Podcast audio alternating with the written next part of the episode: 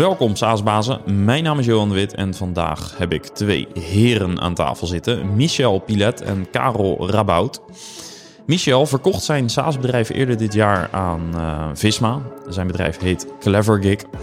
En dat is ook meteen het onderwerp van vandaag: het verkoopproces van een SaaS-bedrijf. Want Michel legt uit hoe hij dat proces heeft ervaren vanuit uh, de verkopende partij dus. Maar Karel zit aan tafel vanuit de aankooppartij, vanuit de buy-side, zeg maar. Want hij trad op namens Visma als onderdeel van het buy-side team. En hij kent het proces nu van twee kanten, want hij verkocht zijn SaaS-bedrijf Beeple eerder al aan Visma. Dus hij heeft het proces vanuit uh, ja, twee rollen ervaren en daarmee dus ook een uniek perspectief voor dit gesprek. Ja, en de levensader van elk SaaS-bedrijf is natuurlijk een goed gevulde sales pipeline. Wil je jouw sales pipeline vullen met meer goede leads? In de praktijk zie ik dat veel SaaS-websites een conversiepercentage hebben van uh, maar een paar procent. 2, 3, 4 procent. En uh, ja, het overige deel, en daarmee het overgrote deel, onderneemt geen actie, maar kijkt vaak wel meerdere keren op je website. Ze zijn dus op zoek naar iets wat jij te bieden hebt, maar je weet niet wie dit zijn. En met Lead Info breng je daar verandering in, want daarmee zie je welke bedrijven er op jouw website rondsnuffelen. En je krijgt ook een goed beeld van de bedrijven die dus wel interesse hebben, maar misschien nog geen proactief signaal hebben afgegeven. Nu je ze met Lead Info in beeld hebt, kun jij initiatief nemen en kun je zoals lid, uh, lead, moet ik zeggen, toevoegen aan je CRM-systeem en je sales pipeline vullen. Ga naar leadinfo.com slash saasbazen om dat gewoon eens twee weekjes gratis te testen. En dan is hier mijn uh, gesprek met Michel en Karel. Enjoy! Ja, heren, welkom. Dankjewel. Leuk uh, dat jullie aanschuiven voor jou de tweede keer eigenlijk in deze podcast. Ja, ja je wijst nu naar mij, uh, Michel.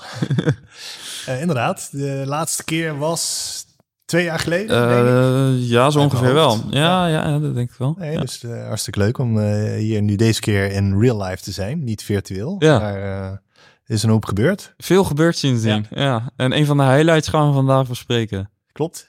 dat is wel een highlight, denk ik. Ja, zeker. ja, ja, persoonlijk, zakelijk. Ja. Helemaal. Cool. Daar gaan we straks verder over hebben. Karel, jij voor het eerst. Absoluut, voor de eerste keer. Eerste keer podcast in totaliteit. Ja, de primeur heb ik. Nou, dat de is, primeur, ja. absoluut. Mooi. Uh, jij bent van Beeple, een uh, Belgische skill-up. Uh, daar komen we bij jou zo ook alweer op, op terug. Ehm, kun je even, om, om een beetje context te schetsen, wat, wat doen jullie en, en wie zijn, wat zijn een beetje jullie klanten? Dus wat doet jullie oplossing? En, voor... We zijn een planningstool. Dus wij plannen mensen in, vooral heel flexibele mensen, uitzendkrachten. Wij werken voor uitzendkantoren. Uitzendkantoren zijn onze grootste klantengroep, vooral die grotere uitzendkantoren.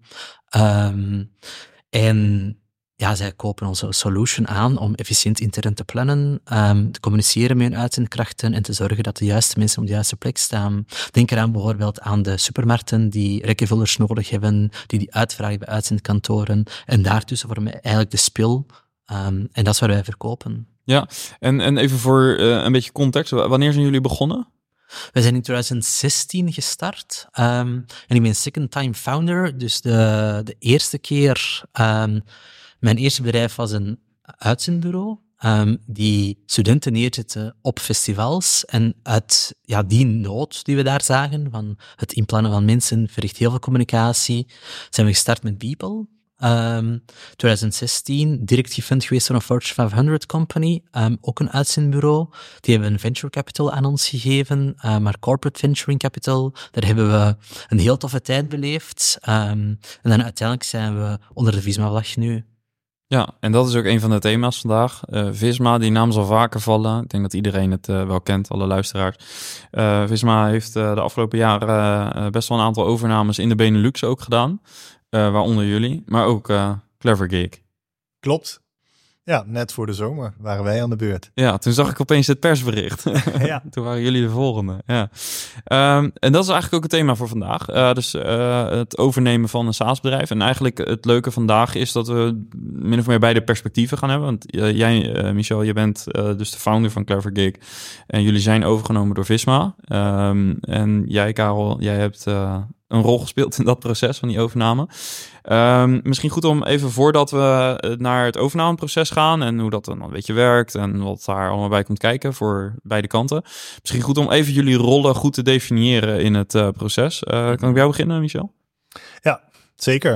Um, nou, ik ben de oprichter van Clever Misschien even heel kort. Wij zijn ook gericht op uitzenden- en bemiddelingsbureaus om hun operatie verder te automatiseren. Uh, vooral gericht een beetje op de nieuwe manier van werken, de gig economy, vandaar ook de naam Clever Dus echt losse diensten vullen bij opdrachtgevers. Mensen werken elke dag ergens anders en uh, we, helpen daar ook mee met onze planning, urenregistratie en inmiddels ook facturatieoplossing. Wij richten ons meer op de wat kleinere uh, uitzend- en bemiddelingsbureaus uh, in Nederland. Uh, in tegenstelling tot Beeple. Dus dat, daar zit ook meteen de synergie. Maar ik ben uh, de oprichter en CEO ja. van Clevercake tot voor kort. Ja, en jouw rol was dus het verkopen Absoluut. van ja, Clevercake. Daar was je ja. op zoek. ja, precies. Oké, okay, top. Uh, Gaal?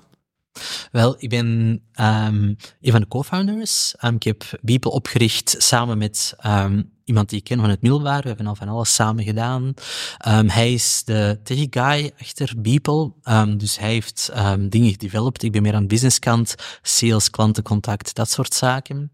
En toen dat wij onderdeel werden van een Visma Family, was er een, een, duidelijke visie ook rond hoe we dat onze verdere groei gingen doen, zowel organisch als via M&A. Um, en wij zaten in dit proces aan de, de koopkant, dus de buy-side, um, waar dat um, Visma en Beeple samen op zoek gingen naar complementaire bedrijven om mee onder de Visma-Beeple-vlag te komen. Ja, en daarvoor had je dus aan tafel gezeten met Visma als koper, dus eigenlijk in dezelfde context als uh, Michel. Ja, als verkoper, sorry. En, en nu werd je dus koper. Uh, dat was de eerste acquisitie die je vanuit jouw kant hebt gedaan? Is de eerste M&A-acquisitie. We hadden ervoor al een klantenportfolio overgenomen van een ander bedrijf. Um, maar ik denk dat dat um, ja, heel leuk is van, zeker bij dezelfde partij, eerst aan de, de verkoopkant te zitten, daarna aan de koopkant, dat je de twee dynamieken meekrijgt. En ik denk dat dat ook sowieso een, een pad is dat vaak onbewandeld is voor heel veel SaaS-founders, is door bolt-on acquisitions, strategische acquisities, verder je bedrijf laten groeien. Ik denk dat er heel veel founders van nature gaan kijken naar new logo sales. Er is veel meer dan new logo sales. Er is upsell, er is cross-sell, ja. er is um, price increases, pricing packaging, maar er is ook niet organische groei via M&A. Ja, en uh, nu weet ik, uh, en denk heel veel mensen met mij, dat een partij als Visma uh, M&A-managers heeft. mensen die nou, dat soort overnames ook begeleiden en doen. Um, wat was jouw rol dan specifiek um, buiten de rol van die M&A-managers? Ik denk dat we daar heel complementair in, in aanvullen. Ik denk dat een M&A-manager um, corporate finance heel goed kent, dus waarderingen van bedrijven, weet um, hoe dat die naar bedrijven kijken op basis van um, aandeelhoudersstructuren en, en eigenaarschap. Maar dat vaak de, operationele kant van de business, van wat is nu exact de value-propositie, is dat een aanvulling uh, voor bedrijven, hoe werkt dat bedrijf operationeel, die cultuur daar, dat is minder hun, hun cup of tea waar ze naar kijken. En ik denk dat daar de mooie aanvulling zat, um, dat wij als portfoliobedrijf van Visma, um, ja, we wisten dat er een, een, operationele synergie moest zijn, omdat ja, dat was hoe dat we in het M&A-proces gingen, dat um, Clever Geek samen uh, met Beeple ging komen en dat we daar ja, op zagen dat ik de meer operationele um, cultuur, sales synergieën die rol had. En M&A, Visma, ja, het, het aandeelhoudersperspectief. Ja, betekent dat ook dat jullie vanuit Visma het initiatief hebben genomen richting Clever Gig? Of is dat op een andere manier gegaan? Ja, um, Visma um, heeft ook analisten die de markt bekijken um, op zoek naar potentieel um, mooie synergieën. het zij als standalone, het zij als add-on op een bestaand portfoliobedrijf. En Visma ligt daar ook een heel actieve rol bij zijn huidige managing directors. Dus ik ben managing director van Beeple. En dan kijken ze heel hard het M&A-team samen met de huidige managing directors van welke bedrijven zijn mooie aanvullingen op ons portfolio. Ja.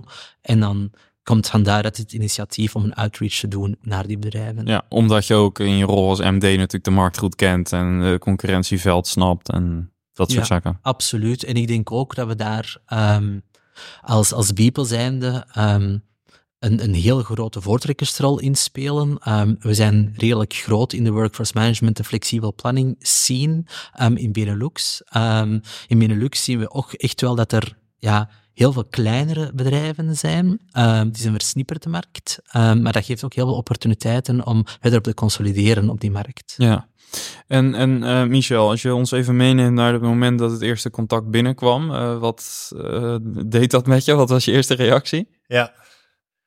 Nou, op zich nog niet zo heel veel, want ehm, daar bedoel ik verder niks verkeerds mee. Maar we werden af en toe wel eens benaderd door partijen was niet voor het eerst. Was niet voor het eerst. Um, ofwel door soms een VC-fonds of iemand die jouw revenue-based finance wil verkopen of uh, private equity. Maar vaak was het ofwel te vroeg, waren wij te klein, of er was geen duidelijke synergie of geen goede klik. Dus op, de, op zich dat eerste contact vanuit Visma, uh, ik was wel benieuwd. Uh, ik had wel ergens, ik had de aflevering met John van Visma uh, zeker geluisterd toen ja. met jou. Vond ik heel uh, interessant. Dus ik wist wel dat zij natuurlijk een van de spelers zijn wat, wat mogelijk een exit partner zou kunnen zijn. Dus ergens dacht ik wel van, oh ja, ik ben wel benieuwd ja. wat hier dan uitkomt. Ja, want wat was uh, voor dat moment, uh, je praat over exit partners, dus je had daar uiteraard over nagedacht en wie ja. niet als, als SaaS-bedrijven. Ja. Een SaaS-founder richt over het algemeen niet een bedrijf op om er een familiebedrijf van te maken. Nee. Uh, wat was voor deze outreach voor jou een beetje de horizon? Wat had je mm -hmm. in gedachten? Ja, goede vraag, want nou, dat is denk ik ook wel een beetje met de tijd veranderd. ik ben iemand die het leuk vindt om nieuwe dingen te starten, om het ondernemen aan zich, dat is mijn passie. Uh, en ik had inderdaad ook bedacht van ik ga het bedrijf niet aan mijn zoon overdragen een keer. Dus ik wil wel een keer wat anders doen. Uh, en ik zat een beetje in 2000, nou ik denk eind vorig jaar wel in mijn hoofd van ik zou bijvoorbeeld na 2024, dat zou ik wel een mooie uh, moment vinden om iets anders te gaan doen. Dan is ook nog wat tijd om te zorgen voor een overdracht. En dan ben ik er ook tien jaar mee bezig. Dus dat, toen had ik zoiets van, ja, dat, dat uh, vind ik wel een mooi moment. Maar dat hoefde niet per se een verkoop te betekenen of een exit, want dat kun je ook niet forceren. Jij kan naar, naar op zoek gaan, maar we waren er eigenlijk nog niet eens mee bezig. Op het scenario wat ik toen in mijn hoofd had was, um, nou, we waren al een winstgevend bedrijf de laatste vier jaar. Dus we dachten van, oké, daar gaan we gewoon mee door. En ik zoek een bedrijfsleider die mij vervangt een keer. Uh, en ja, het rendement kan dan zitten in, in uh, de winst die er worden uitgekeerd. Ja. En dan kan er altijd nog een keer een exit komen, natuurlijk. Ja. Maar dat was eigenlijk mijn basisplan. Ja. Uh, en waarbij je dus vooral focust op jouw eigen rol. Dus de toekomst van jouw eigen rol en in mindere mate het bedrijf per se. Want dat liep zoals het liep, zeg maar. Nou, ik denk door de jaren heen heb ik mijn bedrijf sowieso opgezet en ingericht en keuzes gemaakt. Ook qua product van nou, dit gaan we bijvoorbeeld niet doen. Uh, met de gedachte van ik wil het een keer, uh, als het lukt, verkopen. Dus het moet schaalbaar zijn. Het moet niet van mij als persoon te veel afhankelijk zijn. En in het begin kan dat niet, want dan ben je met z'n tweeën of drieën. Uh, maar naarmate we groeiden ben ik steeds meer uit de operatie gestapt. steeds meer gaan vertrouwen op processen, op systemen, draaiboeken. Um, waardoor dat ook wel makkelijker werd. Ja, ik had daar ook veel meer. Uh, ik, ik heb me eerlijk gezegd ook niet kapot gewerkt de laatste jaren bij Cleverkick. Daar geloof ik sowieso niet in. Maar, um, want het draaide eigenlijk best goed. Uh, natuurlijk kun je altijd harder, je kan sneller, meer. Maar ergens waar wij ook, um, dat denk ik, misschien weet je dan nog van de vorige aflevering, wel een beetje terugkomen van het hele VC, startup route, standaard ja. verhaal. Ja, ik weet nog dat de term Calm Company een keer is gevallen. Precies. Misschien in de afleveringen anders in een ander contactmoment ja, dat we hebben gehad. Nee, ja. zeker. En, en ik zag uiteindelijk ook private equity op termijn als een logischere of een strategische kopen als een logischere route dan uh, nou ja, IPO sowieso niet, maar VC en dan weer verder. Nee, dat, dat, dan moet je er ook weer vijf of tien jaar tegenaan.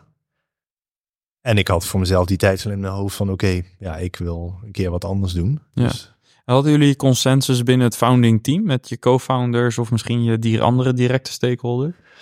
Nou ja, voordat zeg maar, uh, want daar komen we zo denk ik wel op, hè, op het, de, dit verkooptraject zelf. Maar gewoon in, in de route van uh, de switch van, oké, okay, VC, startup, fanboys naar oké, we gaan gewoon zelf ons eigen bedrijf rustig opbouwen, winstgevend. Ja, daar waren we helemaal uh, over eens. Daar hebben we ook meerdere momenten aan besteed. Um, ook om niet per se op zoek te gaan naar een koper. Daar hebben we ook over afgestemd. Dus... Ja. Ja. Um, nu vond ik het uh, interessant om in dit gesprek ook een beetje een soort tijdlijn te schetsen. Um, ook voor luisteraars die ja. mogelijk ook met dit idee in het achterhoofd uh, zijn, uh, bezig zijn. met, ik wil misschien op termijn verkopen aan Visma of een andere ja. partij. Um, dus het eerste contact is gelegd. Jullie hebben het initiatief genomen. Ja, eerste gesprek is in december 2022. Ja, oké. En, en uh, wat waren daarna, wat was de volgende stip op de tijdlijn? Wat, wat is daarna gebeurd? Ja, even heel hoog over hoor, maar vul me gerust aan, uh, Karel. Maar we hebben in december hebben de, heb ik eerst alleen met Visma contact gehad, met de M&A-manager Marijn. Uh, en, en, wat voor gesprekken moeten we een beetje aan denken? Wat, wat, wat zijn dan de thema's? Ja, ik zou het bijna willen vergelijken met een salesgesprek van Are We A Fit? Ja, precies. Uh, passen we bij elkaar überhaupt? Dus je spreekt je visie uit. En... Ja, en wat waar ik heb toen vanaf, vanaf moment één wel ben ik eerlijk geweest over mijn intenties van ja, ik sta ervoor open om een keer afscheid van te nemen op die in die tijdslijn. Maar dat was vooral afstemmen van hey, zitten we een beetje in elkaar, kunnen we, passen we bij elkaar? Dus dat was redelijk informeel uh, en verkennend. Ja. Uh, redelijk snel daarna kwam ik call met Karel Abij, om, want toen wist ik nog niet van het verhaal van Beeple en zouden wij daar eventueel een aanvulling op zijn. Kende je Beeple wel? Ja. Als concurrent? Of nou, eh, in een soortgelijk platform, andere positionering? Ja, maar uiteindelijk zijn, wat Karel ook zegt, zijn ze zich meer gaan richten op de grote bureaus. En daar kwamen we eigenlijk niet tegen, want dat was niet onze doelgroep. Maar toen zijn we redelijk snel een, nog een vervolgsessie online. En in januari volgens mij een eerste echt soort workshop waar we bijna een halve dag samen besteed hebben. Ja, dan zijn we naar jullie gekomen in Apkoude in de bureau ja. bij jullie. En hebben we ja, ons opgesloten in een, in een vergaderzaal en een paar uur gepraat over cultuur, over visie, waarden, normen. Wat is belangrijk? Hoe, hoe, hoe zit de structuur in elkaar? Hoe kijken jullie naar de toekomst? Um, was een heel fijn gesprek. Ja. Was een... ja, ik denk als ik daarop terugkijk, misschien voor jou ben ik benieuwd hoor, maar ja, ergens had ik daar wel al gedacht van oké, dit, dit, dit kan gewoon werken. Dit, het, bijna het, alles wat daarna kan, was bijna meer formaliteit. Allemaal stappen die je wel door moet.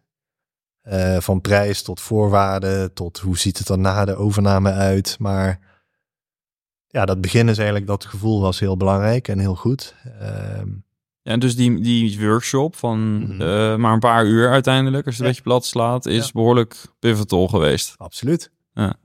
Maar ik denk dat dat in, in de meeste M&A-gesprekken, ook bij ons toen we naar Visma gingen, um, is wat dat ze dan noemen een managementpresentatie. Dus na zo de, de eerste initiële um, M&A-gesprekken van kunnen we fit zijn, is die, die managementpresentatie, waar je gewoon ja, een paar krijtlijnen, contouren uitzet, denk ik, diegene waar dat of de, de, de, het vuur overspringt, waar je allebei zoiets hebt van, dit kan iets worden en hier gaan we voor, of het net niet. Ik denk dat dat een van de meest ja, belangrijke gesprekken in een M&A-track is, um, dat je het gevoel hebt van, dit is een goed gesprek, we zitten.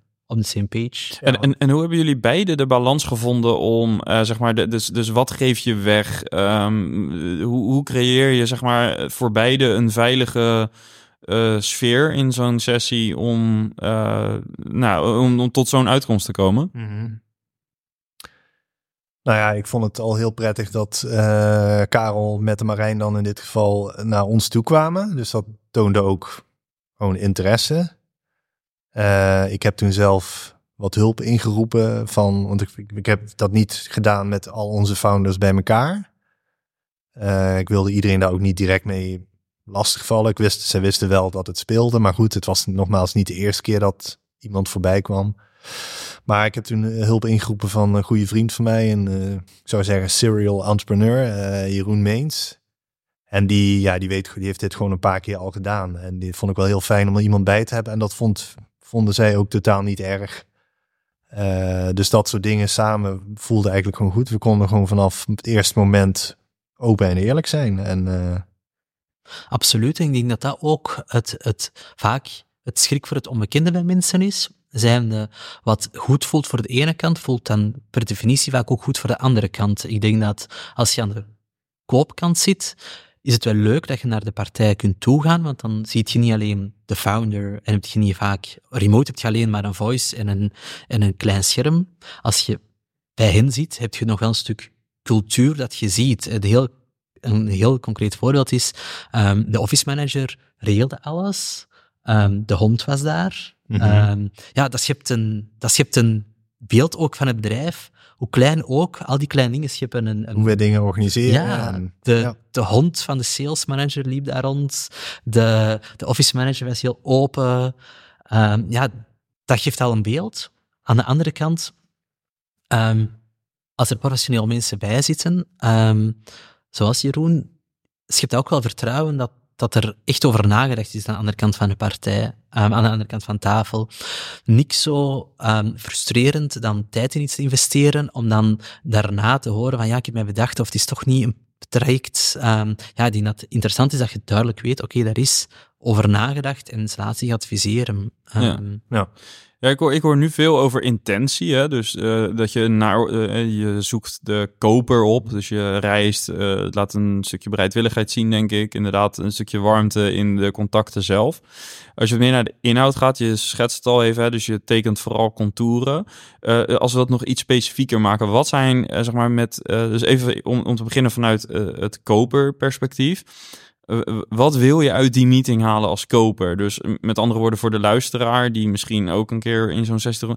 eh, Hoe kun je je voorbereiden op de inhoud van zo'n sessie? Visma, Visma koopt bedrijven die ehm, gezond zijn en met een goed management. Ehm, en dat probeert je daar wel uit te halen uit zo'n uit zo'n meeting van oké, kijk, ehm, hoe ziet jullie markt eruit? Ehm, welke marktaandeel hebben jullie? Welke klanten hebben jullie? Hoe pakken jullie processen aan intern? Ehm, het is niet de bedoeling van bedrijven te kopen die ehm, ja, eigenlijk gered worden uit een faillissement. Ik heb peers van mij al gezien die als last resort de, de reddingsboei gooien naar een, een corporate buyer. Dat zijn strategieën. Bij Visma is het effectief. Willen kijken, is dat bedrijf inherent gezond? Gaat dat, ehm, een, ja, gaat dat een positie vinden binnen een, een Visma-bedrijf of als standalone binnen de groep? Ehm, en wat voor mij heel belangrijk is, is de cultuur.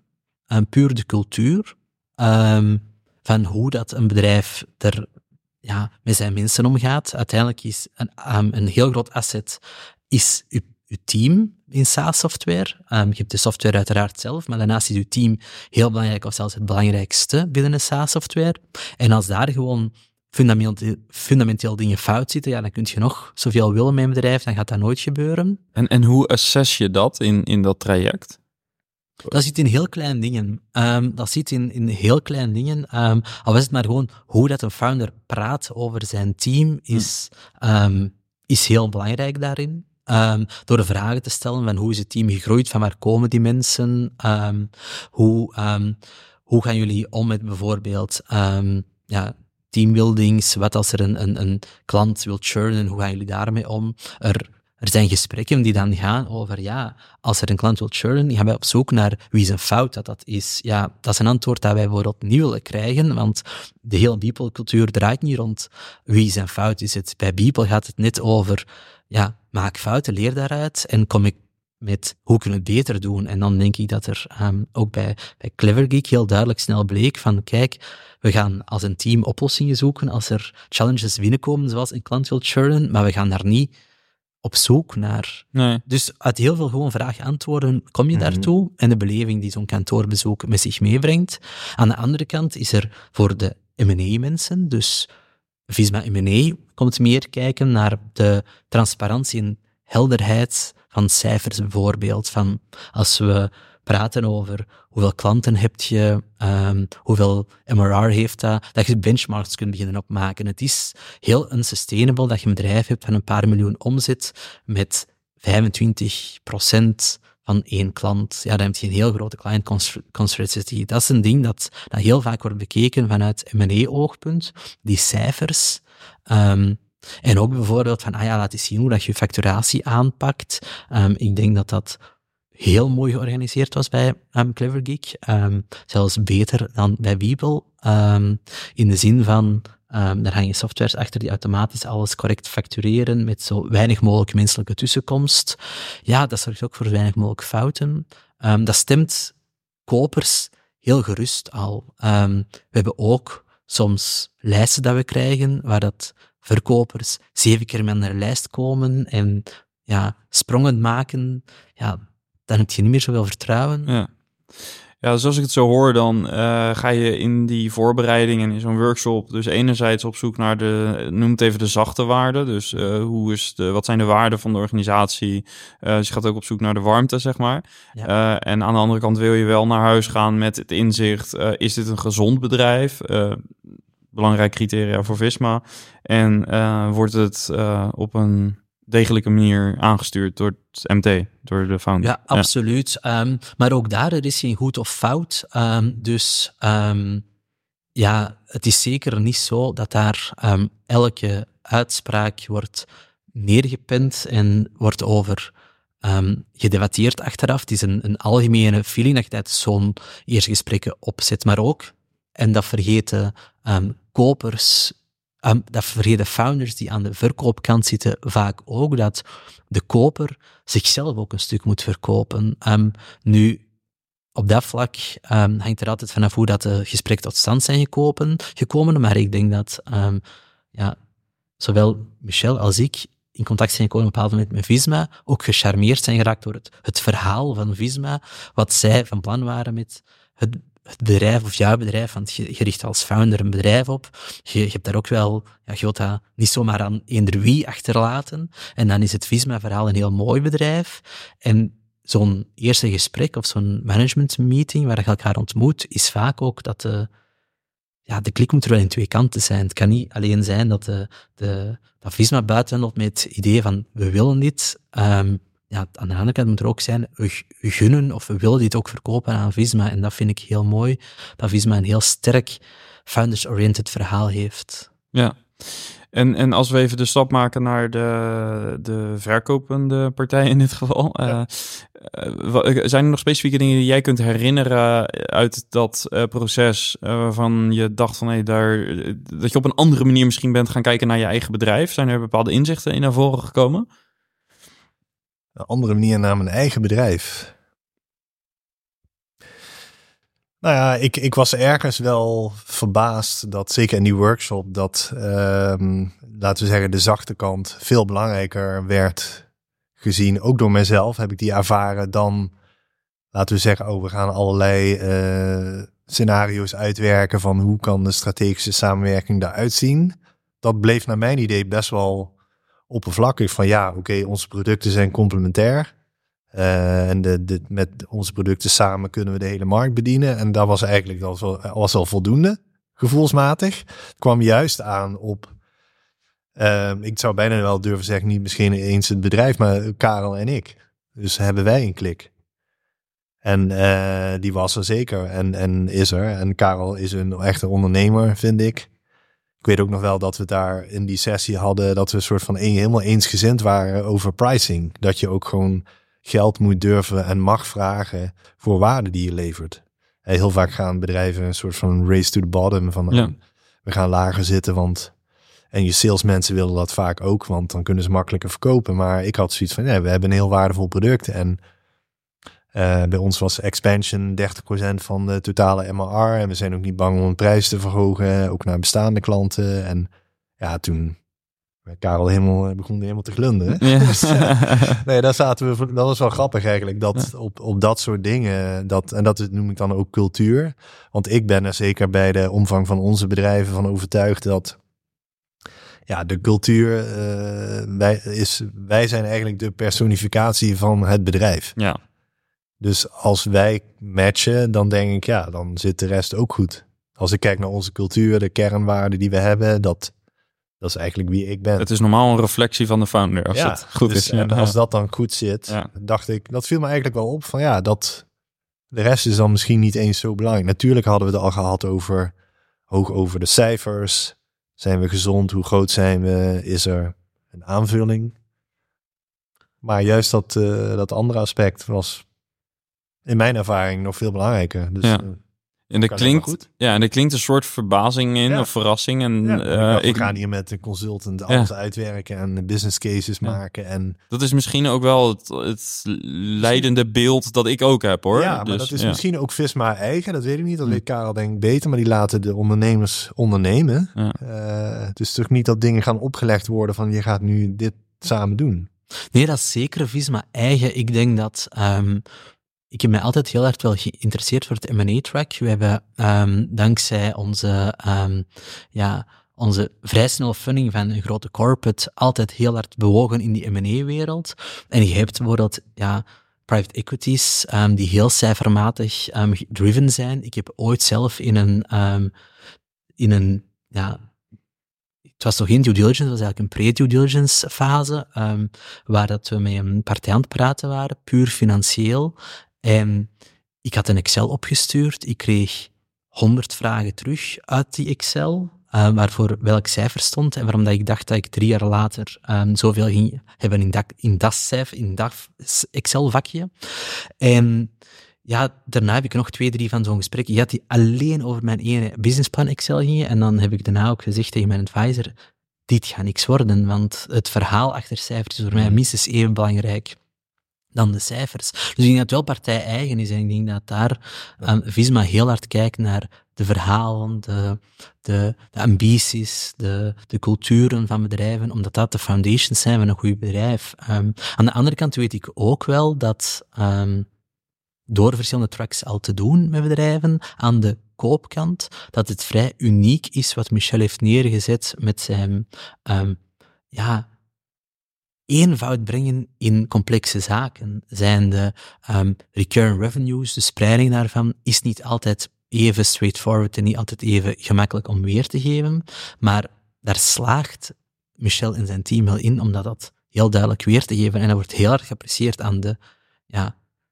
koopkant, dat je niet moet liggen pluizen en, en um, dingen begint te mappen en heel veel dingen moet liggen ja, bijna dagenlang bewerken voordat je make sense out of data kunt doen. Dus ik denk dat dat ook wel um, als founders aan mij tegenwoordig vragen, wat, wat moet ik doen om mijn bedrijf verkoopsklaar te maken? Zorgen dat de story klopt. Met Michel bellen. Met Michel bellen, inderdaad. inderdaad. Um, ja. En die eenvoud die Michel aan de dag legt, ook daarin verwerken. Ja. Um, nu had ik vooraf gehoopt, uh, in aanloop naar dit gesprek, dat jullie, um, uh, al zou ik de vraag stellen, um, is, is, er ook een moment geweest waarop jullie elkaar uh, wel even in de haren wilden vliegen? dat een, een dramatisch verhaal zou komen, maar ik, ik, krijg langzamerhand de indruk dat dat niet gebeurd is. Of, of is er wel degelijk een moment geweest waarop je, of misschien een iets mildere versie daarvan ja, had? Nou, niet op de persoon inderdaad, zeker niet. Um, maar ik heb zeker wel een moment gehad dat ik dacht van, wil ik dit wel? En het voelt niet goed. Uh, nogmaals, dan niet op de persoon juist, maar meer op het totaal. De transactie. Um, ja, het is gewoon super spannend. En ja, ik heb ook natuurlijk met meerdere partijen te maken. Ik ben niet de enige stakeholder. Dat wil zeggen, je hebt andere belanghebbenden ja, in de verkoop. founders, ja, uh, mensen die er geld in hebben gestopt. Um, ook ergens mijn eigen verwachtingen van wat vind ik fair en wat is een goed moment. Ja, dat, dat heeft wel aan mij aan alle kanten, heeft me wel bezig gehouden. En uh, er is, ja, er was op een gegeven moment wel een soort ook een, een tendens in de gesprekken. Dat, maar dat was ook omdat ik dit nog nooit had gedaan. Dat er gewoon naar mijn idee wat, wat, ja, wat minder goed nieuws telkens naar voren kwam uit deze deal. Um, nogmaals, met betere voorbereiding had ik dat gewoon kunnen weten. Maar ja, waardoor het voor mijn gevoel steeds meer werd van oké, ben ik hier nog wel happy mee? Want het wordt nu, nu toch wat minder mooi dan het leek. Uh, en, maar goed, dat, dat was in de rond net voor de mei-vakantie. Toen heb ik jou nog gebeld, uh, Karel. Dat Ik dacht, aan, ik, ik dacht aan exact hetzelfde moment. Ehm, ik denk dat je eerst met Marijn hebt gebeld.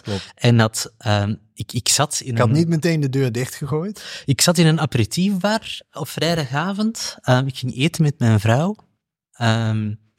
En Marijn belt mij met de feedback van het gesprek. En ja, dat was niet de fijnste avond voor mijn vrouw op restaurant. Ehm, omdat effectief, ja, ik denk dat... Ik weet niet of ik het zo mag omschrijven, maar er wel een stuk cold feet was van... ook. Zeker. Ehm, en ik denk dat ook daar weer ehm, aan de...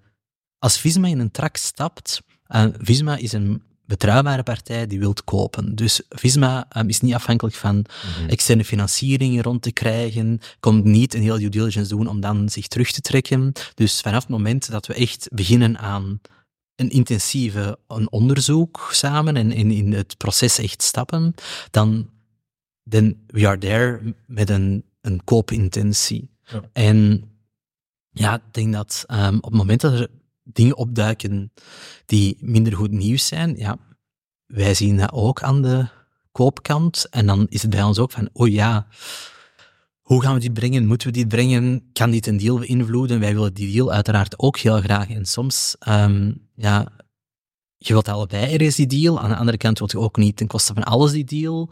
En ja, dat is, je moet daar echt dat vergelijk in vinden. Maar op dat moment weet ik wel dat zowel Visma M&A als ik zoiets hadden van, allee, come on, we're almost there. En wat moeten we doen? Wat kunnen we doen? En dan... Ja, Wat, wat, wat hebben dit soort momenten dan met typische value killers te maken? Wat je natuurlijk in elk proces hebt. Want eh, van, vanuit beide perspectieven ben je natuurlijk uiteindelijk ook bezig om een goede deal te maken. Die fair is of goed is voor iedereen. Ehm, maar je weet dat er altijd value killers zijn in een bedrijf. Voor de ene is dat een hoge churn. Voor de andere is dat een lage activatie. Voor de, nou, ja, dat kan van we alles dat zijn. stadium wel redelijk voorbij waren op dat Hm. moment. Ja, Hm. dit ging echt puur over voorwaarden. Hm. En het was misschien, eh, nogmaals vanwege mijn gebrek aan kennis, eh, zijn we eigenlijk van eerlijk gezegd een, een initieel redelijk hoge prijs naar een uiteindelijk lagere prijs gegaan. Maar dat was ook omdat ja, bijvoorbeeld een Visma kijkt naar, eh, niet naar EBITDA, maar naar cash EBITDA. Ja, wist ik veel wat cash EBITDA is. Mm, ja. Dus ehm, even voor de luisteraars, dus dat je alle kosten en die je normaal bijvoorbeeld voor je developers mag opnemen als investeringen, die mag spreiden over de jaren, wordt meteen meegeteld en gaat meteen ten koste van je resultaat. Dus ja, waren de cijfers minder goed, wat minder, wat weer gevolgen had voor de waardering. Nou, zo Ja, en als je dat had geweten, dan had je mm, een andere investeringsstrategie gekozen, bijvoorbeeld. Ja, ik zou niet zeggen dat ik het gesprek niet was aangegaan, want uiteindelijk ben ik helemaal happy met de deal. Dat komt dan straks wel hoe dat is gegaan wellicht. Maar ja, er waren gewoon een paar van die opeenstapelingen eh, waarvan ik dacht van ja, ik weet niet. Inderdaad, ook cold feet eerlijk gezegd. Ik heb er ook nog wat dingen over gelezen en dat paste helemaal met hoe ik daar toen in zat. Ja. Ehm, dus ja, toen... eh, ja, ik denk ook wel in die twee weken vakantie daarna heb ik ook even niks van me laten horen. Dus ik dacht, nou laat ze maar even zweten. Ja, En, eh, maar dat, ze waren dat, heel dat waren we aan het doen. ja wat, wat, wat, deed dat met jou? Ehm, Nou, ik kreeg ja, gelijk ik die avond dat- wel nog wat. Die belde gelijk en ik kreeg daarna nog appjes. En, Ja. eh, dus dat waren allemaal hele goede koopsignalen. Dus Ja. dat was allemaal heel fijn. Eh, Maar daar wordt dus ook echt over nagedacht. Zijn aan de, aan de koopkant wordt daar ook over afgestemd van wat doen we wel, wat doen we niet. Ik weet dat op een moment de conclusie was van ja, we gaan die, die ruimte moeten gunnen. Ik denk dat er aan de koopkant, te meer omdat ik zelf founder ben, ja, je verkoopt een heel groot stuk van jezelf ook. Zijn, je hebt iets opgericht, is, dat is je kindje. Je verkoopt dat. Dat is niet zonder emotionaliteit. Ehm, en de ene founder staat daar rationeler in dan de andere. Ehm, aan de andere kant ehm, doet het wel iets. als, want de value killers, eh, maar evengoed um, in, dat, in die fase van het proces, zijn het vaak ja, het belangrijkste voor een proces te starten, zoals we zeiden, zijn die soft zaken, zoals cultuur, fit, personen. Maar in dat stuk van het proces gaat het vaak wel over legal terms and conditions en, en valuaties nog. ehm, of, of inderdaad eh, puur cijfermatige zaken. En dan komt dat wel hard binnen, soms bij, bij een founder. En ik denk dat je dan... Daar, je moet daar sowieso begrip voor hebben. En zeker daar... Visma heeft daar heel veel begrip voor, omdat die net die ondernemer heel centraal zetten. En dan geven we die ruimte ook. Maar ik denk dat ook Visma heel blij is met de deal die er gebeurd is. Ja, het is dus wel even spannend geweest, ook aan jullie Ja, kant. Absoluut, Ja, absoluut. ja, Ja.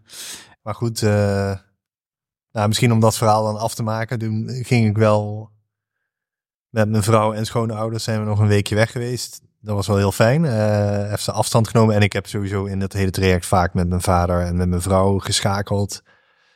En beide hadden allebei altijd zoiets van, ja, wat je ook kiest is goed. Staan we achter.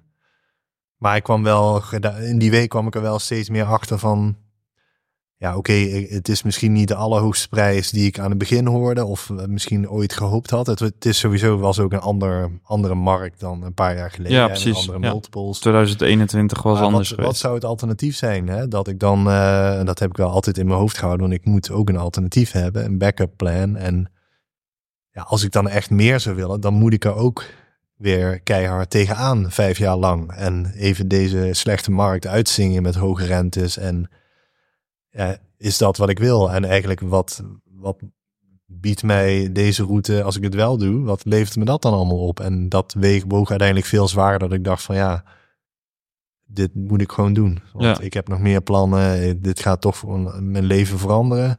Ehm, ik eh, weet ook nog heel goed van een van de medeoprichters, Mario.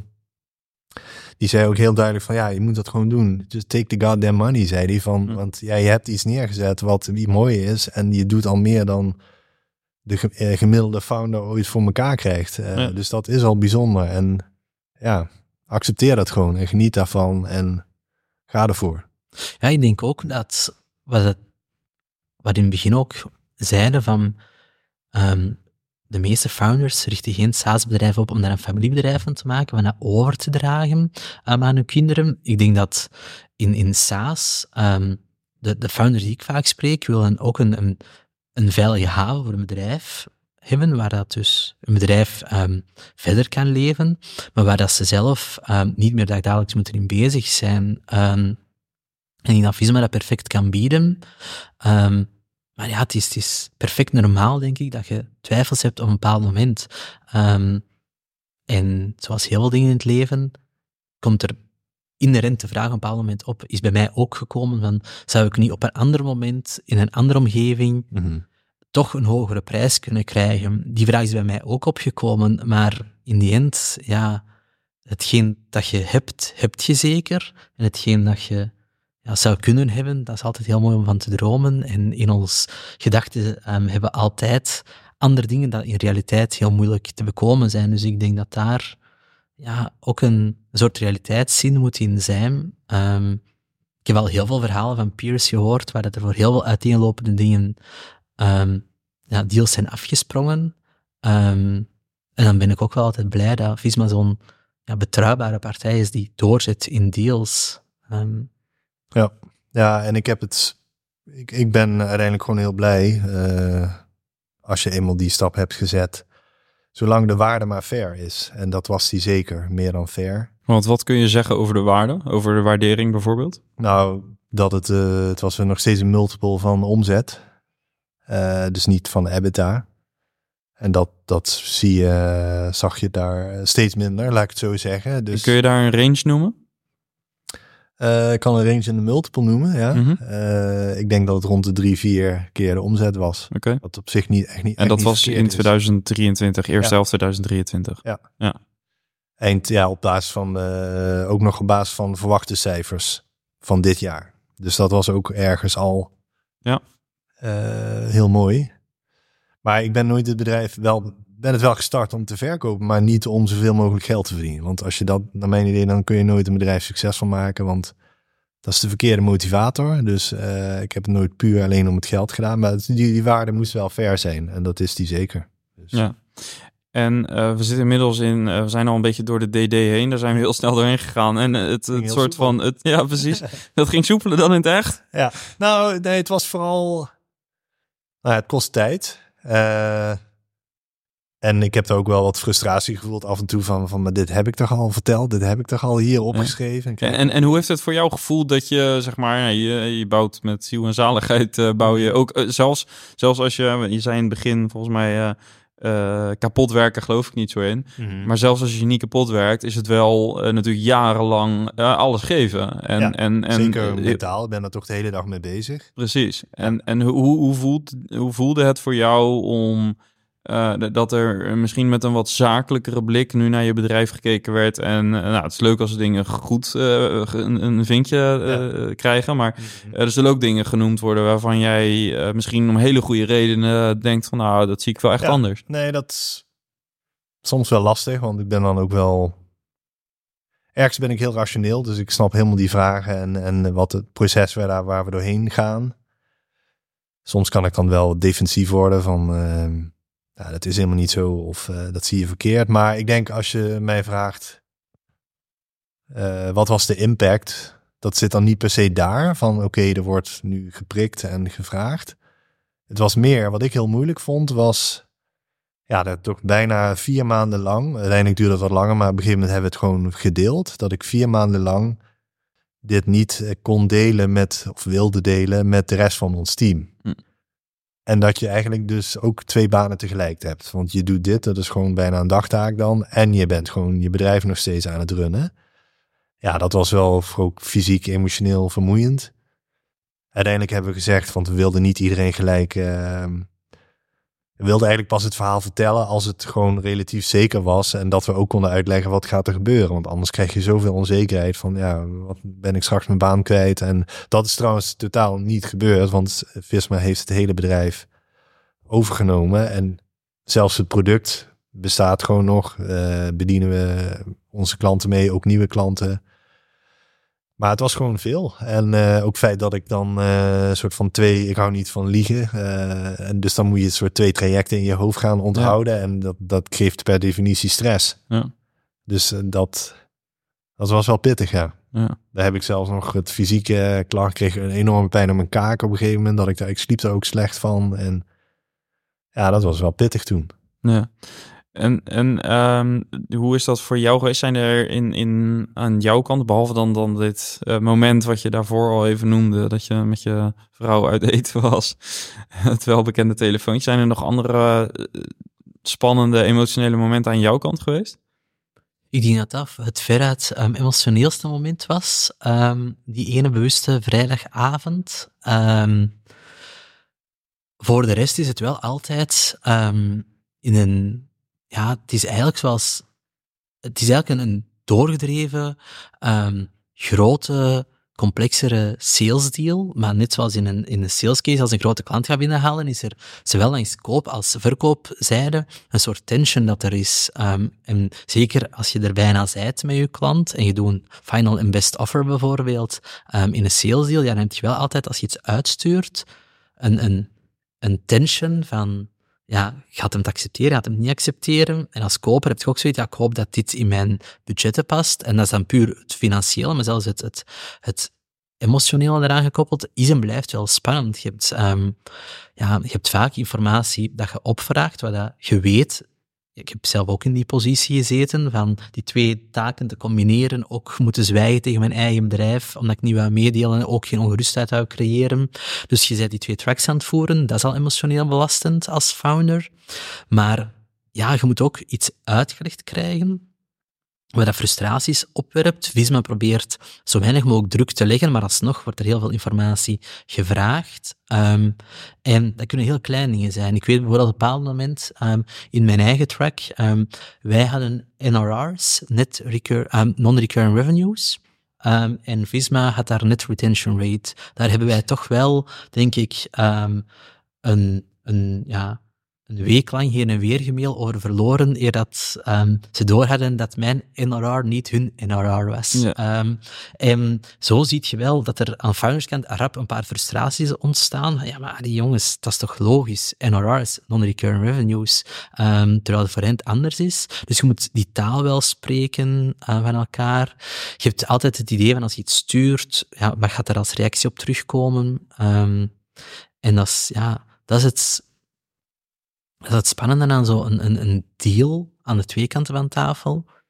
Maar je probeert zo weinig mogelijk druk op de founders hun schouders te leggen, omdat die, ja, die moeten heel veel dingen opzoeken. En in die end, ja, iedereen zegt altijd, de business leidt niet onder een M&A-track, maar iets bullshit, want je zei zeker ehm, bij een SaaS-bedrijf, ehm, ja, waar de founder nog heel belangrijk is. Leidt ja, wel af. Dat leidt af, Ja. dat is. Ja. En dat, dat zien we nu ook bijvoorbeeld ehm, bij een, een Beeple. Ehm Clever Geek is erbij gekomen. We hebben nu twee producten. We hebben het Beeple-product en het Clever Geek-product. Ehm, je ziet dat daar ook een stuk afleiding is geweest in onze normale sales track. Omdat ja, je zei twee bedrijven, twee teams, dat moet zich zetten. Je doet een, een ja, shift in, in sales. Op de long term gaat dat allemaal ja, dingen accelereren, maar op het moment zelf is dat ook een stuk afleiding. Eh, nu heb ik al gezien dat jullie inmiddels een eh, uitje hebben gedaan eh, met elkaar. Italië, klopt dat? Of wat was het? Nou, een workation. een workation. Ja, ja. ja. om het beter te verantwoorden. Precies. Ja. Nee, was geweldig. ja. Ehm, nou, eh, eh, in principe integratie en formaliteiten en zo, dat is misschien eh, een aflevering op zich, maar ik kijk ook even met schuin oogje naar de klok. Eh, waar ik ook benieuwd naar ben, is nog ehm, eh, zeg maar het proces wat daarna komt. En dan kijk ik met name jou aan, eh, Michel. Ja. Eh, dus eh, je hebt dan je bedrijf eh, verkocht. Ehm, wat is jouw persoonlijke plan voor de komende maanden, jaren? En, en eh, misschien de tweede vraag, lukt het je een beetje om het al los te laten? En, Ja. en hoe, waar zit je in dat proces? Ja, ja, ja. Nee, goede vraag. Ehm, ik blijf sowieso tot eind volgend jaar. Dat hebben we met elkaar afgesproken. Eh, dat is eh, vier dagen in de week. Dus ik heb op zich al wat tijd voor andere dingen. Ehm, ja, wat ik ehm, dat in die jaren bij Clever Geek heb gedaan, wat jullie hebben gehoord, is... Ja, waar ik goed in ben, is het een bedrijf zo inrichten dat het overdraagbaar is. En dat de eigenaar, de oprichter, niet eh, dermate van belang is dat je, dat je het niet kan verkopen. Of Geen niet tegen founder goede- dependency, zeg Nee, maar. dat je Ja. ook, of niet tegen een goede prijs kan verkopen. En ehm, wat ik ga doen, en op zich heb ik dat al, is dat al live. Calm CEO, daar is weer het woord calm. Ja. Calm.ceo, dat is eh, waar ik eigenlijk andere ondernemers ga helpen om datzelfde te, te doen.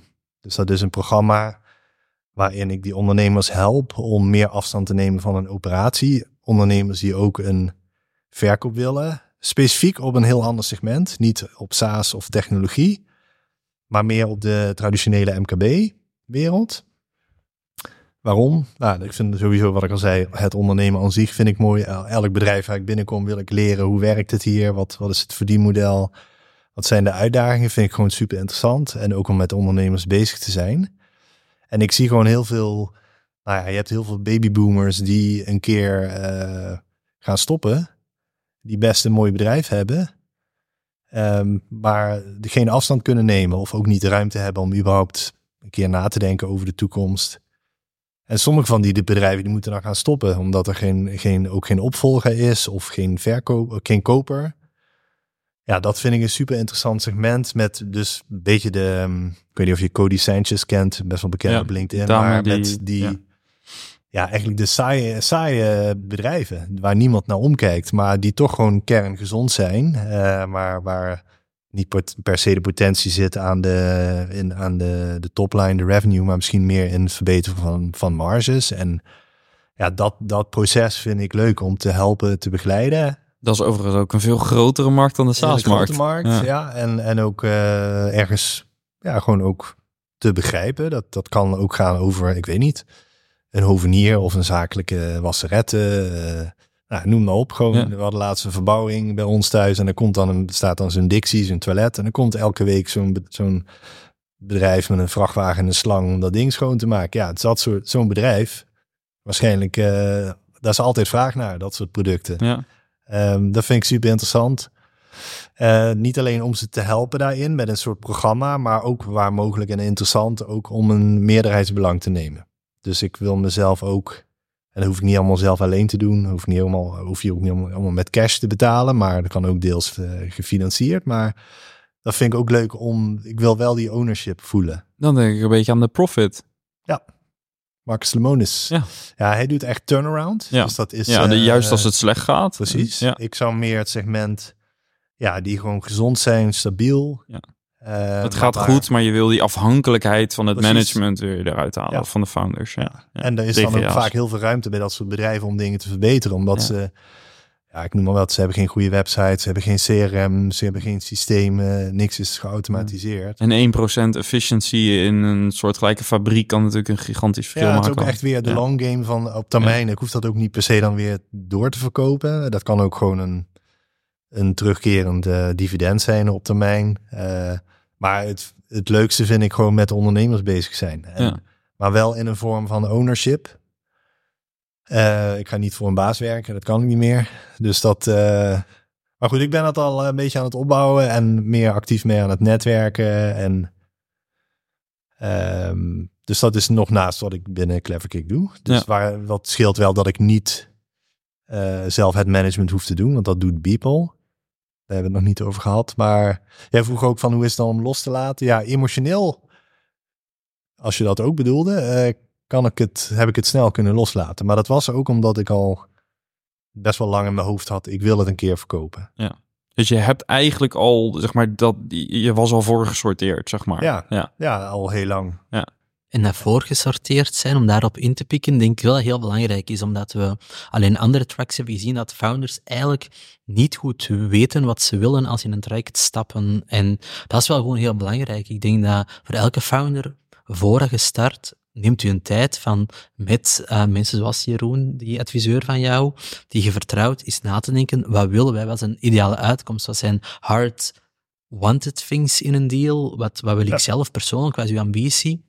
En zorg dan ook dat het bedrijf daar rond klopt. Want wat dat Michel heeft gedaan, is effectief zorgen dat er een sterk team staat, met dan zijn uitgesproken wens van op een bepaald moment te stoppen. Ja, dat is perfect mogelijk. Als je merkt uit Ja. zo'n eerste gesprek van dit bedrijf is gewoon de founder, alles wordt hier gedaan door de founder, en als diezelfde founder dan tijdens zo'n gesprek zegt van ja, ik wil er wel mee stoppen op het moment van Mhm. signing, ja, dat is een beetje lastig, want Ja. dan weet je wat je koopt. Dus ik denk dat dat heel belangrijk is. Ja. Ja.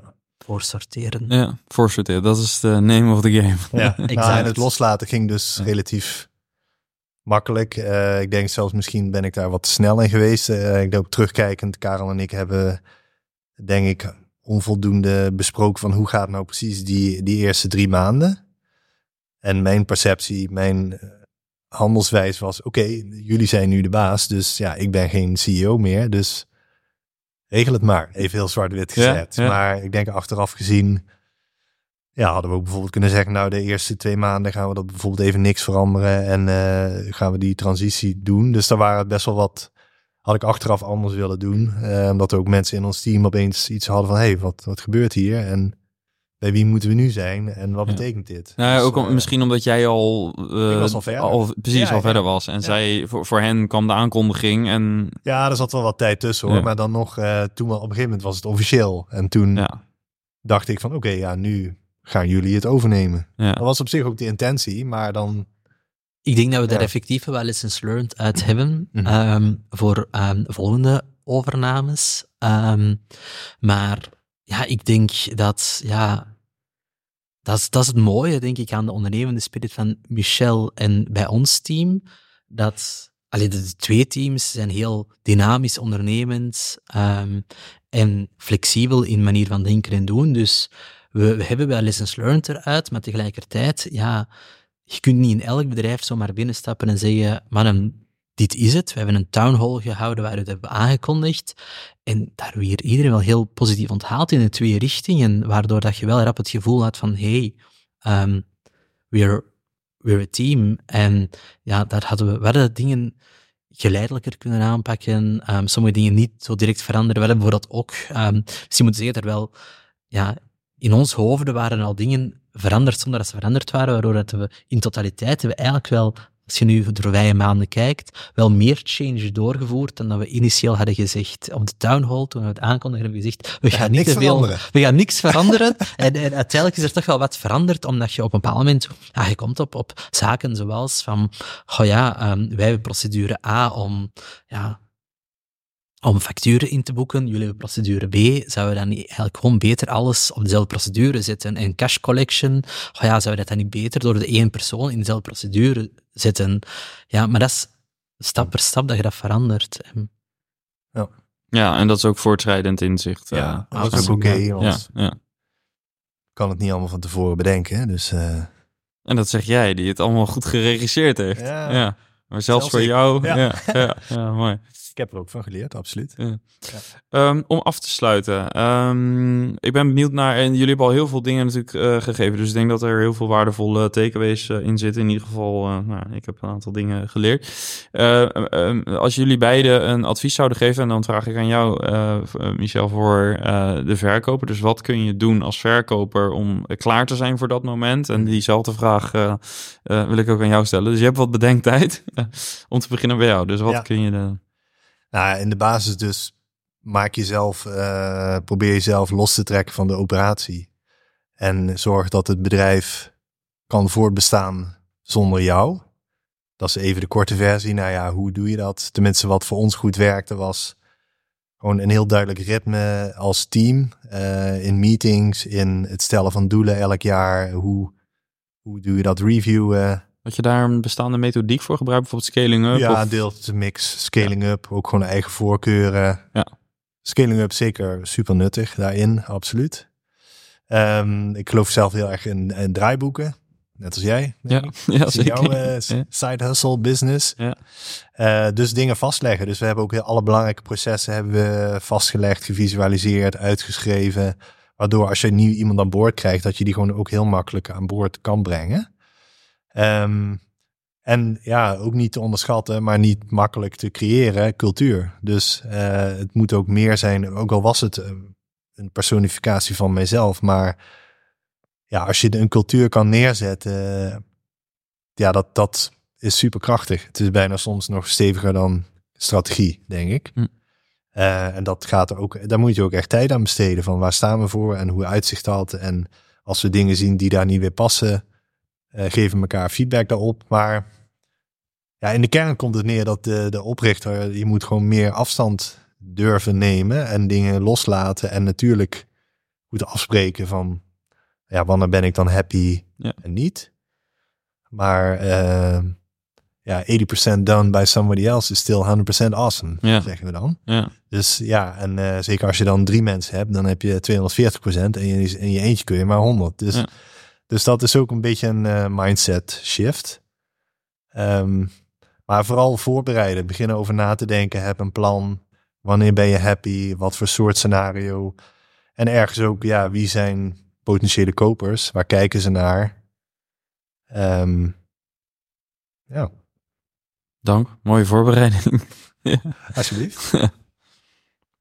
Ja, langs, langs koperskant, we hebben het geluk van ehm, onder de Visma-familie te vallen, waar dat Visma al heel veel geregeld heeft en waar dat je mee op de, de, de track van Visma komt. Zijn de, Visma heeft een heel duidelijk uh, founders-friendly verhaal, dus als Visma ergens aan tafel gaat, ze kunnen het verhaal heel duidelijk brengen. Ze hebben ook een heel duidelijk team dat zo weinig mogelijk druk op de founders probeert te leggen.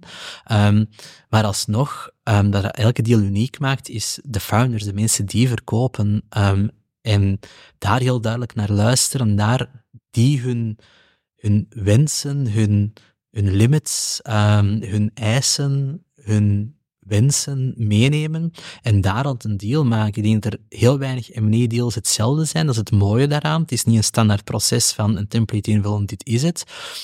Je hebt, je hebt founders die um, willen blijven, die niet willen blijven, die iets anders willen gaan doen, een andere rol aanmeten, die voelen dat het bedrijf te groot voor hen aan het worden is. Um, en heel duidelijk begrijpen wat wil die founder, wat wil die founder? Uiteindelijk zijn de founders die verkopen. Er zijn er heel mooie bedrijven vaak achter met um, revenue, met klanten, met een team. Maar het zijn de founders die aan de stuurknuppel zitten en die goed begrijpen en een deal maken dat voor hen de juiste deal is. En dat gaat vaak niet alleen over valuatie, dat gaat ook over omgaan met respect voor het team, respect voor het product, respect voor de klanten, um, hun waarden en normen weerspiegelen in een deal. En dat, dat juist hebben. En dat is gewoon heel belangrijk in een deal. En ik denk dat dat voor, ja, aan de koperskant, denk ik, een heel belangrijk ding is om mee te nemen. Zie dat je een deal maakt die voor die founder een goede deal is. En als je als founder je er niet goed bij voelt, ligt dat ook gewoon op tafel. Dat er heel veel M&A-teams heel, aan de koopkant heel flexibel zijn om te mee te denken met de founders. Dat is een mooie oproep uh, voor de founders die nu inderdaad in een soort gelijk traject zitten, om dat ook uit te spreken als, uh, als de aanleiding toe is. absoluut. Ja. Ik denk dat je ook moet ervan uitgaan dat ehm, je zij aan tafel tijdens een M&A-proces over elkaar. En het moment dat de koop gesloten wordt, zit je aan dezelfde kant van tafel. Ja, precies, want dat is inderdaad de spanning die je vaker hoort. Hè? En, en eh, nu komt het in jullie verhaal ook wel over dat het eh, heel harmonieus is verlopen. Eh, met uitzondering van misschien hier en daar een moment. Maar ehm, de, In wij... ieder geval gelijkwaardig. Ja, precies. Dus het is Ja. niet de ene... Nee, want, want op het moment dat je echt, als het hard tegen hard gaat, dan besef je, als het goed is daarna ook, dat op het moment dat je dat doet, zeker als je dat vanuit eh, de koperperspectief denk ik doet, dat er ook een moment komt dat je, tegen, dat je niet tegenover elkaar zit, maar naast elkaar aan tafel. En je wil die relatie wel voldoende houden, maar tegelijkertijd ook je belangen goed behartigen. Dus dat, eh, Klopt. Ja, absoluut. Misschien was het in deze opzet dat risico iets minder groot, omdat we eigenlijk met drie partijen waren. ja. Eh, Visma Ja. en Beeple en Ja. Clever Gig. Dus Ja. dat... En jij het proces ook al eens had meegemaakt. Ja, Ja. maar tegelijkertijd ook die, ja, het, het voorsorteren van daarnet was heel du- duidelijk gebeurd door Michel. En Michel heeft bijvoorbeeld altijd gezegd vanaf moment één, ik wil er op een bepaald moment uit en ik ga sideprojecten ehm, doen. En dat is fijn ehm, dat je dat weet. Ehm, en dan kun je samen die deal stappen en weet je, ik ben daar oké mee of niet. En dat loopt prima vandaag. Maar er zijn ook voorbeelden die ik al heb gezien bij peers van mij buiten Visma om, waar dat de founders ehm, zichzelf heel duur verkopen ehm, en de dag na closing zeggen, hey, by the way, you paid a lot of money for me and now I'm gone. Ja, dan moet je niet verbaasd zijn dat de koper een beetje zich in het zak gezet voelt. Dus die eerlijkheid is wel heel belangrijk om, om aan de dag te leggen. En ik denk dat ehm, ja, het, het een ehm, voor, eh, het voor closing, dat gaat harmonieus samen met na closing. En als je een storyline hebt voor closing, ja, dan zet je die verder na closing. Ja. En het is niet, een, een handtekening op papier verandert niet ineens het hele bedrijf en de hele spirit van een deal. En ik denk dat gewoon belangrijk is dat daar die eerlijkheid en transparantie is op voorhand. En ja, dat wil dus zeggen bijvoorbeeld dat ehm, het, het management, het daily management vandaag zit bij het people management, maar ehm, Michel heeft nog een, een, een rol binnen ehm, het, het team en we weten ook van, die rol is zo gedesigned dat op het moment dat Michel vertrekt, ja, dan hangt daar niks meer als kapstokken aan vast, waardoor het bedrijf er een nadeel van zou ondervinden. Maar dat is zo gedesigned geweest, omdat we dat zo hebben afgesproken. En dat is heel mooi dat dat kan, die transparantie. Ja. Dank jullie wel, beiden. Eh, het was leuk om dit ook eh, in eh, deze setting te doen. Eh, om beide verhalen naast elkaar te leggen. Eens. Dus, eh, Absoluut. Ik hoop dat de luisteraars daar hetzelfde over denken. Nee, vast wel. Ik, eh, ja, we gaan het vanzelf horen. ik vond het leuk om hier te zijn. En eh, leuk om ook twee jaar geleden dus eigenlijk een verhaal te hebben. En nu ja, een stap verder en met een terugblik. Ja, bedankt voor Ja. de uitnodiging. Ja, Wie weet binnen twee jaar een volledig nieuw verhaal weet. Calcio. ja. Nou, we weten in ieder geval wat nu wat de ambitie is. Dus dan kunnen we dat weer toetsen. Ja. Ja, leuk. Alright, thanks. Alright, en tot zover het gesprek van vandaag. En ja, zit je te luisteren en denk je van... ik wil best wel vaker dit soort verhalen horen... meld je dan aan als lid van SaaSbazen... en dan krijg je extra bonuscontent via ons platform.